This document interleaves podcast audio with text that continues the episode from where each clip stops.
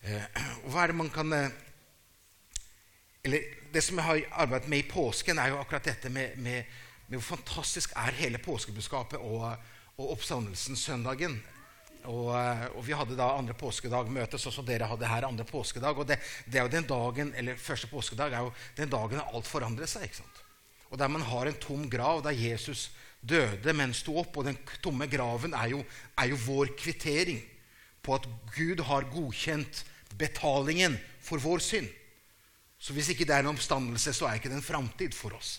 Så oppstandelsen er kvitteringa vår. Det som Jesus gjorde, var nok for oss. Og så da kan vi på en måte leve i dette her. Og i den tomme grava som er der, så er det jo så kommer da et, et ord for meg her i, i forhold til dette med at nåden kan i, Her er et rart som du kanskje ikke ofte bruker de tonene i sammenheng, men at nåden kan virke absurd. Den, det har man ikke ofte brukt sammen, disse ordene. Den absurde nåde har jeg satt som tittel. Den, den, er så eh, uforståelig, den Guds nåde. Eh, det at Jesus, det er Gud selv. Døden var ikke en del av han. Døden var ikke en del av Guds natur. Døden er en del av vår natur. Og så skulle han la seg bli pisket, slått og og dø på et kors for et folk som er utakknemlig, og som roper 'korsfest han'. At Gud er villig til å gå den dramatiske veien, forteller oss noe om hvor stor syndens problem er for menneskeheten. Og var. Så jo større forståelse du har av syndens problem, jo større blir nåden. Jo mindre synden er som et problem, jo mindre blir nådens forståelse. Den nåden er bare en, sånn, en ting som Gud gjør. For hvorfor hadde ikke Gud en annen utvei? Og Da tenkte jeg på en beretning eh, som viser noe av den Guds absurde nåde. Og da skal jeg preke ut ifra Noen har kalt det verdens dårligste misjonær. Der står jeg i dag, sånn. Så det er ikke meg. ja, Kanskje noen vil si det, da. Jeg håper ikke det. Men en annen. Sånn, verdens dårligste misjonær. Og Da tror jeg noen henger på med en gang og tenker ja, jeg vet hvem det er det er snakk om. Eh, og det er en profet som heter Jonah. Og det er kanskje den mest kjente profeten for de fleste av de eh, i Gamle testamentet når det gjelder de småprofetene. Og det er klart at når jeg da sier det, så faller vi liksom inn i en sånn derre sånn sone hvor vi liksom Ok, han skal preke om hvalen eller fisken, og det er liksom de tre dagene der. Og en, en, en, prof, en rømningsprofet. Eh, så vi går, kommer inn en sånn der forståelse av at hva egentlig Jonah-bok handler om, og hva Jonas sin beretning handler om. Fordi man har gått på søndagsskolen og gått i menigheten på alle år. Og Jeg håper at du kan prøve Det er, det er umulig for oss. Null stille litt av det. For jeg skal stille spørsmål, Hva er hovedbudskapet egentlig i Jonas sin bok? I fortellingen om Jonas? Vi har budskap om en, en ulydig tjener. Har, og det er en del av budskapet. Budskapet også er det å være, å være lydig mot kallet som Gud har lagt i en. Så det er også en del av det. Det at mennesket på en måte vender om, er jo også en del av budskapet. Men hovedbudskapet i hele Jonah, profeten Jonas sin bok er Guds nåde. Guds nåde med et, et folk som heter asyrere, der i byen Ninive. Men Guds nåde over en sær profet. Selvopptatt med sitt eget liv, med sin komfort, med sitt liv og hvordan Gud overøser han hele tiden med nåde. Så budskapet Jonas handler ikke om hovedsakelig Jonah, Ninive eller hva folkene gjør, men det handler om Guds nåde. Og her blir det en absurd idé. Og hvis vi leser eh, Jeg skal ikke lese det, det, tar ikke lang tid å lese Jonas' bok. Det tar et par minutter. Eller noen minutter. da. Så det er jo bare fire kapitler. Men fra vers 1 til og med vers 3 i Jonah, bare for å ta det som en, som en, som en innledningsdel av hans bok, så skal jeg prøve å være, være kort. For det, Jeg har ikke fått tid når jeg skal slutte, og det er veldig greit som predikant og ikke for en avgrensa tid. Og så er jeg jo brasilianer i tillegg, ikke sant? så tiden er jo veldig flytende. Så det er jo fantastisk. sant? Ja, ha den friheten. Ja, du kjente du ble svett nå? Ja, ja, ja, ja. Men så står det her i Jonas kapittel, kapittel 1 så står det her Herrens ord kom til Jonah, eh, Amit, eh, Amitayas sønn, og det lød slik.: Bryt opp, gå til Nineve, den store byen, og forkynn over den. For deres ondskap har steget opp til mitt ansikt. Men Jonah brøt opp for å reise til Ninive. Det? Står ikke det. Men Jonah brøt opp og reiste til Tassis, til Spania. Det er mange andre som gjør det også i Norge. Kommer vinteren, så reiser man til Spania. ikke sant? Bort fra Herrens ansikt. Han dro ned til Joppe og fant et skip som skulle seile til Tarsis. Han betalte hva det kostet og gikk om bord i skipet for å reise med, den, med, dem til Tarsis, bort fra Herrens ansikt. Så profeten Jonas er jo, en, er, jo en, er jo ikke en, mann som plutselig ut av det blå blir kalt til en tjeneste. Han var en tjeneste. Han var aktiv i tjeneste. Han hadde brakt noen gode budskap til Nordrike, Nordriket, for det var der han, han tjente ca. i det åttende århundret før Kristus. Så han hadde en, han hadde en tjeneste. Han hadde hørt Guds stemme. Han visste hva det var å tjene Gud. Og De fleste budskapene som han fikk, var jo positive budskap for Nordriket, selv om de hadde en forferdelig dårlig konge. Så kom han med et godt budskap til dem at Herren skulle ekspandere grensene. Men her så møter eh, Jonas, Herren som kommer med et budskap, og det er budskap om dom. Eh, og det budskapet er jo det er her som han ikke vil, vil bringe. Og det er jo et veldig innlysende spørsmål. Hvorfor vil ikke han til Nineve? For han var jo i tjeneste. Det er ikke et kall til tjeneste, men det er et kall til et oppdrag i tjenesten. Og den store grunnen til dette er jo dette at han hatet som alle de andre i Nordriket. Han hatet asyrerne. Og man kan sammenligne asyrere med noe av det nærmeste vi kommer i vårt moderne samfunn, så vil det bli som en IS-krigerne. Fordi asyrerne i flere hundre år så gjorde de en veldig stor sak ut av det, hvordan de, hvordan de utøvde krigføringen. Det var hvordan de lemlestet hvordan de torturerte, hva de gjorde med kvinner, menn og barn og dyr, og la byer til grunne. Eh, og jeg skal ikke utbrodere, men hvis du vil, så kan du undersøke litt hvordan asyrerne utførte krigen. Så vil du på en måte ganske slutt, fort slutte med det, fordi det er vanvittig bestialsk. Så alle hatet asyrerne av måten de oppførte seg mot alle andre rundt seg, og måten de, de tok til seg alle disse, disse landene rundt seg. Så da skulle man tro ok, det er jo et flott budskap Jonas har fått. En budskap om dom og rettferdighet. Hvorfor stikker han av? Han vet jo det at han kan ikke rømme fra Herrens ansikt, for han er jo en tjener. Men det handler, det at han, det handler ikke det at at Gud ikke kan se ham når man er i Spania. For Gud kan se deg når du er i Spania òg. Når du er på vei til Spania. Så ser Gud er her. Han vet at Gud er overalt. Men det handler om det at han på en måte vil tvinge Gud til at han må heller sende en annen til Nineve. For grunnen og hovedgrunnen til at Jonah ikke vil til Nineve, er det han hatet asyrerne, og han visste hvordan Guds hjerte var. Han avslører det i kapittel 4 og i vers 2. Der han avslører hvorfor han rømte fra Herrens ansikt. For i kapittel 4 og vers 2 så sier han eh, til Herren når Herren da ikke ødelegger Ninive, fordi de aller vender om, så sier han, 'Å Herre, var det ikke det jeg sa da jeg ennå var i mitt hjemland?' Derfor flyktet jeg den gangen til Tarsis, for jeg vet at du er en nådig og barmhjertig Gud, sen til vrede og rik på miskunn.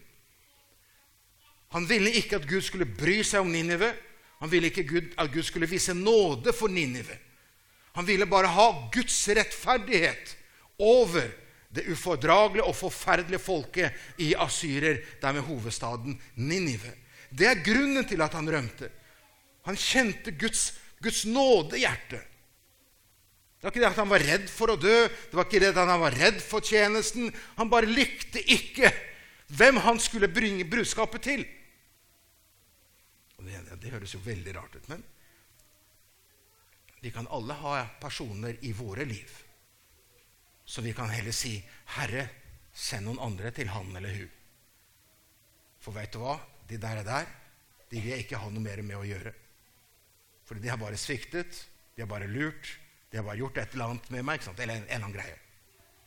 Vi kan alle ha noen i våre liv der vi kjenner at, at skal jeg bringe evangeliet? Jeg vil heller at Gud skal få lov til å bringe det. Eller så kanskje det høres veldig fremmed, dette her. Men det var sånn som Jonas hadde akkurat der. At han, han, opplevde denne, denne nåden, denne, denne barmhjertighet, som, som en, en, en absurd greie. Hvordan kan Gud tilgi det utilgivelige? Hvordan kan Gud vise nåde for mennesker som er grusomme mot andre, sånn som her? Hvordan kan Gud vise barmhjertighet mot disse menneskene? Det er jo det kampen som er i Jonas sitt liv. Det er det han opplever i alt dette. Så det er ikke en, en tjener som liksom er motvillig fordi liksom men det er en indre kamp i han med dem han skal bringe budskapet til. Og det er her det er, det er interessant, for han gjenspeiler noe som det kan på en måte være veldig Vi kan oppleve for oss alle sammen. Fordi når vi synder, så forventer vi Guds nåde. Mens noen, om noen synder mot oss, så forventer vi rettferdighet. Det er mye enklere, kanskje, å ta imot nåde enn å gi nåde. Det er mye enklere å ta imot barmhjertighet enn å vise barmhjertighet. Og det er det som er her. Den kampen som er i ham. Så han der rømmer av gårde og stikker av. ikke sant? Eh, og så skal jeg da gå til kapittel fire. Eh, for i mellomtida så har han rømt. så har Han han ender jo i fisken buk og ber Gud be Gud om nåde. Og så er det jo kapittel 3 handler om at han, han da går i da den tjenesten og reiser inn i denne byen Ninive, den svære byen Ninive. Og så har han et veldig enkelt budskap. Det er profeten Jonas. En profetisk bok, men profetiet er veldig kort og veldig konsist. Det er i kapittel 3, der det står sånn i, i slutten av vers 4 om 40 dager skal Ninive ødelegges. Det er Herrens budskap. Og sånn gikk han rundt. Og så skjer da, om noen reagerer på fiskehistorien med Jonas i hans buk, så er jo det en enda større historie etterpå. At du ser at en hel by som ikke er, som ikke er jødisk, som har ingenting med Abraham på en måte sin forståelse av Gamle testamentet eller Guds løfter Hedninger. Plutselig i dette her så vender hele byen seg om. Det er jo det største underet. ikke sant? Her da skjer en, en vekkelse i byen, der hele byen og kongen vender seg om til Gud og ber Gud om nåde.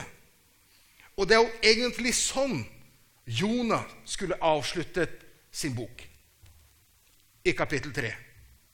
Med Herrens nåde, at her, hele byen vendte seg om, der de ropte, Gud, ropte til Gud om nåde. Og der det står i slutten av kapittel 3, vers 10, så står det da Gud så deres gjerninger, og de vendte om fra sine onde ferd, da angret Gud den ulykken han hadde sagt, og han ville føre over dem, og han gjorde det ikke.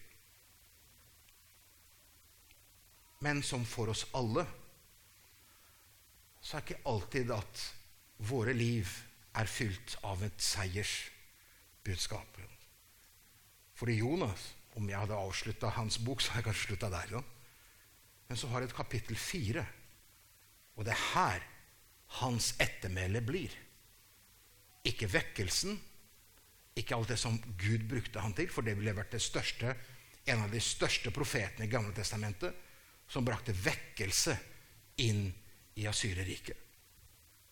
Men så er det kapittel 4, og som er da der det står i vers 4 Men Jonas burde stått sånn priste Gud, for hele folket hadde vendt om til Herren, hans Gud, som er barmhjertig, som er nådig, som er fullt av kjærlighet. Stod, men det står ikke det. ikke sant? Det står Men Jonas syntes meget ondt om dette, og han ble rasende. Det ordet som står der på hebraisk av 'rasende', er innsint. Han er kjempesinna på Gud, for at Gud viste nåde imot dem. Og så er han da en sånn ufordragelig på en måte profet som sier, 'Ja, Gud, var ikke det jeg sa.' Derfor rømte jeg til Tarsis, for jeg visste ikke sant, at du var en barmhjertig og nådig Gud. Det er derfor jeg gikk den veien. Det er derfor jeg gjorde det jeg gjorde. For jeg visste at du ville være nådig imot dem. Og så, så står det, vers 3.: Derfor, Herre, ta nå mitt liv fra meg, for det er bedre for meg enn å leve. For det er bedre for meg enn å leve. Det er liksom nesten vanskelig å forstå, liksom. Om du har en menighetstjener her i menigheten som er litt sånn, eller har hatt, eller om du har noen mennesker i ditt liv som du kjenner, som er der, så vil du bare sagt at døra er der, så du må bare, bare gå. Hvorfor skal Herren bry seg med en sånn ufordragelig type som ikke har barmhjertighet og nåde? Hvorfor skal Gud bry seg om Jonah i hele tatt? Hvis Herrens eneste mål var å omvende Ninive, så kan han like godt sendt en annen profet. da. Så kunne han latt Jonah dø der i havets bunn, der han sank når han ble kasta ut av båten. Hvorfor bruker Gud tid på en mann som vi aldri ville ha brukt tid på? Gud visste, eller for å si det sånn Gud trenger ikke Jonah. Men Jonah trengte Gud. Og her er det for meg, da, fordi jeg er Kanskje fordi jeg er i tjeneste, eller hva den er. For meg er her Her møter jeg den absurde nåde. At Gud bruker tid Det er ikke det at jeg er så veldig mye bedre Jonas. ikke forstå det sånn. Men måten han er på At Gud på en måte bare bruker tid med denne mannen, er egentlig sjokkerende. I en arbeider som er hevngjerrig, fullt av hat i sitt hjerte, og som ikke vil se Guds barmhjertighet over Ninive. Så dette viser noe om Guds, Guds hjerte. For det står videre her. ikke sant? Han sier, 'Herre, la meg dø.' Og så bygger han eh, Og da sa Herren til han, 'Er det rett at sinnet blir opptent i deg?' Fortell, fortell. Er det rett at du er, du er sånn? Da? Gud er tålmodig med ham. Og så fortsetter verset, så sier så gikk Jonah ut av byen og satte seg øst for byen. Og bygde der hytte bare for skygge, bare for å se vil Herren endelig ødelegge. Og det å gå øst har en, har en gammeltestamentlig betydning. sant? Fordi når Eva og Adam ble jaget ut av hagen, så ble de jaget østover. Kain dro østover.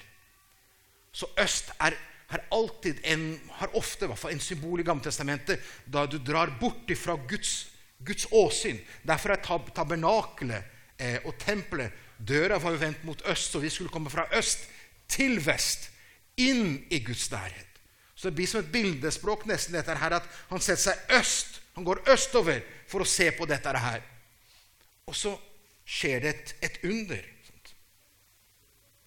Vers 6 så står det Herren hadde utsett en eh, kikayam-plante, en busk, for å si det sånn, som vokste opp over Jonas, og som kunne gi han skygge på hans hode. Og lette han for tungsinnheten. Han gledet seg stort over da dette kikayam-planten. Så gjør Gud et under. Innen 24 timer så vokser en plante, en busk som gir han skygge. Herre, hvorfor driver Gud et hånd om denne mannen? Og her i dette verset er det eneste stedet du ser Jonas er glad. Han gledet seg. Hvorfor gledet han seg? Fordi Herren hadde sørget for hans komfort. Han hadde det greit. Skyggen var der, sola stekte ikke på han, og her kunne han sitte og se utover hva Herren ville gjøre mot dem. Eneste stedet du finner han er glad, er her, i sin komfort. Og så bruke tid her med det. Den plante, Og så står det her like etterpå at Herren la en orm komme, og, og i dette her så dør da denne planten. Det er som om Gud vil undervise Jonah om hans dobbeltsidighet. Han vil ha rettferdighet overfor, overfor Nineve, men han vil ha nåde over seg selv. Så Gud la planten vise visne i dette her, og så blir den omtent igjen. Hans, hans sinne mot Gud. Det står i vers 8 Da solen sto opp og lot tegnene komme, en glohet østavind, solen brant på hodet til Jonas, og han ble helt avmektig. Da ba han for seg selv og han, at han måtte få dø, sa han. Det er bedre for meg å dø enn å leve. Så er det da som Gud underviser ham.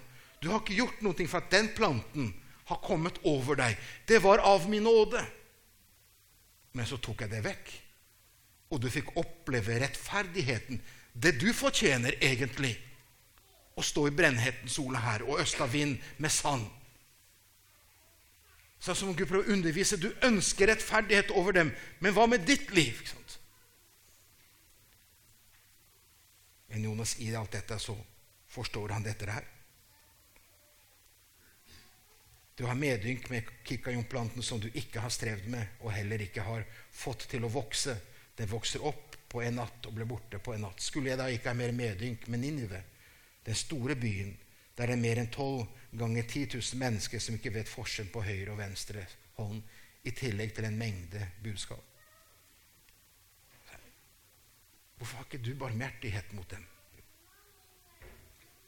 Noen ganger er vi oppslukt av vår komfort i det at vi tror at den komforten som vi har av penger, helse, pensjon, fred i dette landet, har kommet av pga. vår strev, vårt arbeid og vårt på en måte møye. Ja? Men det er jo ikke det. Det er jo Guds nåde. At du har helse, er Guds nåde. At du har en intelligens som har gjort at du har studert og har jobba, er en Guds gave, Guds nåde, over ditt liv. At du har levd inntil i dag, er Guds nåde. At du har en pensjon, er en Guds nåde. At du har en jobb, er en Guds nåde. Det er Herren som lønner deg gjennom en arbeidsgiver. Alt det du har, alt det du har i livet, er Guds nåde. Fordi vi kan ikke garantere noen ting av morgendagen. Du kan være sunn som bare det, og plutselig så får du en beskjed om at du har kreft, eller plutselig så får du hjerteinfarkt. Et eller annet som skjer. Og hører stadig om mennesker som ut av det blå Plutselig så er livet snudd opp ned. Du har ingen kontroll på din framtid. Du har ingen kontroll på noen ting. Men samtidig så blir vi som Jonah noen ganger. Vi blir så opptatt av at 'Å, så godt å ha det så godt'. Og så blir vi, blir vi der som mennesker som er så veldig opptatt av oss selv. Noen ganger så trenger Gud å ta bort vår komfort for at vi skal få lov til å se at det handler ikke om min komfort. Det handler om å bringe et budskap til mennesker. Et budskap om nåde og frelse. At når jeg lever ikke lenger selv sånn. For meg er det å leve Kristus og døden en vinning. Sånn. Også et, et, absurd vers, for å si det sånn, i dagens samfunn. For for de fleste er jo livet nå, og døden er jo et tap. Og så sier Paulus at døden er en vinning. Og livet er Kristus. Eller og det å leve er Kristus, står i en annen oversettelse. Men tilbake da til Jonas i alt dette her. At Gud bruker så mye tid på han, sier oss noe om Guds fars hjerte. Det mennesket som vi alle ville ha gitt opp, dem gir ikke Gud opp. Det viser noe om hvordan Gud er. Gud gir ikke deg opp. Og mennesker har gitt deg opp fordi du har feilet, du har gjort, du har et eller annet i ditt liv, og mennesket ikke lenger har tro på deg, at det, du kan bli noe bedre eller noe annerledes, så har Gud det. Fordi du er hans. Og han vet at du trenger han for å bli det han ønsker å bruke deg til. Det er det Paulus sier til menigheten i Filippi. Den gode gjerning han har begynt i dere, vil han fullføre. Så denne tålmodigheten og den nåden viser at Gud er mer Altså, Gud er opptatt av arbeidet. Men Gud er mer opptatt av arbeideren enn av arbeidet. Fordi du skjønner, arbeidet er en frukt av det Gud gjør. Gud gjør undre av å vende menneskets hjerte til han av mennesket blir frelst. Derfor er Gud veldig opptatt av deg som arbeider. Ikke alt det du gjør, ikke alt det du kan vise til, eller det du ikke kan vise til. Han er opptatt av ditt liv. At du skal være til gjenkinn av Kristus til mennesker. Så Herren er mer opptatt av deg, ditt liv, enn hva du kan vise til hva du har gjort eller ikke gjort i livet. For alt det som vi har gjort, er jo det Herren som har gjort. Det er Han som får æren. Så Herren er mer opptatt av deg enn av alt det hva du kan gjøre. Om du er her i formiddag som opplever at mennesker har gitt deg opp Se på deg at ja, ja, det er han eller det er hun, og det var sånn, og sånn hadde de gjort det, eller et eller annet. Eller du er skuffet over ditt eget liv, over feil som har kommet. Du kjenner skammen, du kjenner stoltheten. Herren, han gir deg aldri opp. Det han har begynt, det vil han fullføre. Hans nåde er så absurd stor. Det vil si at selv når vi fortjener selv som kristne, når vi er ulydige, når vi går vår egen vei, når vi på en måte høster av synden som er, kan komme i livet, selv om vi på en måte lever et selvopptatt liv, selv om vi på en måte kan være sure og gretne kristne For vi kan være det. Vi kan være veldig sure. Istedenfor å prise og ære Gud og kjenne gleden i hjertet, så er man sur på alt urettferdighet og masse greier i livet en utilgivende hjerte. ikke sant? Som gjør at, at kristne blir, blir, sure og grinete istedenfor å, for å være glade og fri. Så kan mennesket være bundet av en fortid av ting som har vært, om det er i menighet eller privatliv. Så er det der. Men Herren, han ønsker at vi skal få lov til å oppleve at selv om vi feiler der, så gir ikke Gud opp. Han kaller på deg, og han kaller på meg til å gi livet over. Til å gi over det som er vondt. Til å gi over det som er uforståelig. Til å gi Herre og si, 'Herre, Herre, tilgi meg'. Han ønsker at du skal få lov til å oppleve og kjenne at Herren gir deg ikke opp. Du blir ikke satt på hylla. Du er ikke en, en ubrukelig ting. Du er hans. Og hvis du lever så regner med du lever siden du er her, ikke sant? så har Gud en hensikt med ditt liv. Jeg skrev, Hvis noen har Korsets seier, så skrev jeg en liten, en liten meningsgreier der for, jeg vet ikke om forrige søndag eller denne helga her. Der jeg hadde akkurat som tittel om dette 'Du er fri'. Hva nå? ikke sant? Du er fri Kristus. Men hva dreier livet ditt om? om oss selv eller vår neste. Da går jeg ut ifra det ved Paulus, der han har et liv fokusert på evangeliet og sin neste til å bringe evangeliet. Der han ikke lever for seg selv, men han lever til ære for Kristus. For vi er fri. Vi trenger ikke å gjøre ting for å bli frelst. Men vi har fått all frelsen, og hva er det vi gjør med den? Oppbevarer vi oss her til vi kommer hjem? Eller kan vi se at Herren har bruk for deg og meg ennå i dag. Herrens nåde er ny hver dag. Og Herrens nåde er fantastisk for oss alle. Herre, vi takker og priser ditt navn, Jesus, for din nåde og din barmhjertighet, Herre. Vi takker deg, Herre, for at slik du aldri ga opp Jonah, Herre, så gir du ikke opp noen av oss, Herre. Herre, jeg takker deg, Herre, at selv om vi ikke forstår hvorfor, Herre, du, du bruker tid med mennesker som er så vrange og vanskelige, Herre, så viser du den samme nåde mot hver eneste en av oss, Herre. Nå ber jeg Jesus for den som sitter her i formiddag, Herre, som kanskje er bundet av ting i sitt liv, Herre, som er harde i sitt hjerte, og som kanskje sitter på østsiden og bare venter på en eller annen negativ greie. Venter bare på negative nyheter. Herre, må du få lov til å komme til i det livet, Herre, og friske det opp, Herre. Så vi kan få lov til å se, Herre, at vi har en nåde og barmhjertig Gud. Herre, hvor du ønsker å fylle våre hjerter av din nåde og din kjærlighet, Herre. Så vi blir et uttrykk av deg hele tiden, Herre. Ber deg, Jesus, for den som opplever, Herre, at det er gitt opp av mennesker, kanskje gitt opp av familie, gitt opp kanskje av menighet, eller har gitt opp selv, Herre. For man er så skuffet over sine egne valg og sin egen retning i livet, Herre. Og de får lov til her i formiddag å oppleve Jesus, du står her og vandrer med oss som du gjorde med Emaus-vandrerne, Herre. Og så taler du inn i våre hjerter. Og du ønsker å sette oss fri til å kunne se deg, Herre. Du har tatt all vår synd og skyld, Herre. Vi trenger ikke å leve i fortiden lenger. Vi kan få lov til å leve hos deg i dag, Herre. Av din nåde og ved din nåde og ved din kraft, Herre. Herre, må du få lov, Jesus, til å berøre våre hjerter på en slik måte, Herre, at denne nåden, Herre, at vi ser denne nåden, så vårt liv blir fylt av takknemlighet, av glede, av barmhjertighet, av en lovprisning og en ære til deg, Herre, for å se hva du har gjort for oss, Herre.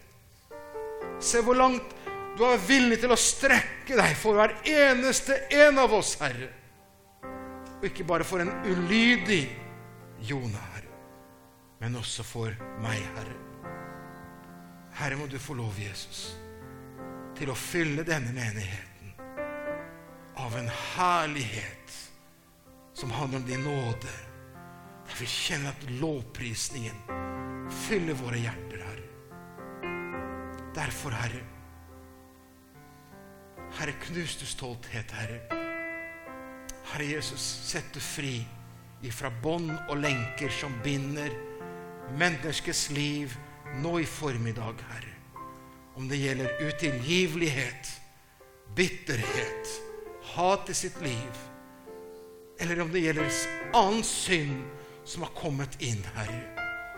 Eller om det er komforten som har tatt tak i livet, der en lever bare for seg selv, Herre. Herre, må du få lov, Herre, til å bryte disse lenker og bånd som binder så fast oss her i dette livet, så vi kan fortsette løpet med blikket festet på deg, vår tro, opphavsmann og fullender, Jesus Kristus. Halleluja. Du er her ved din ånd, og vi priser deg, Jesus. Halleluja, Jesus.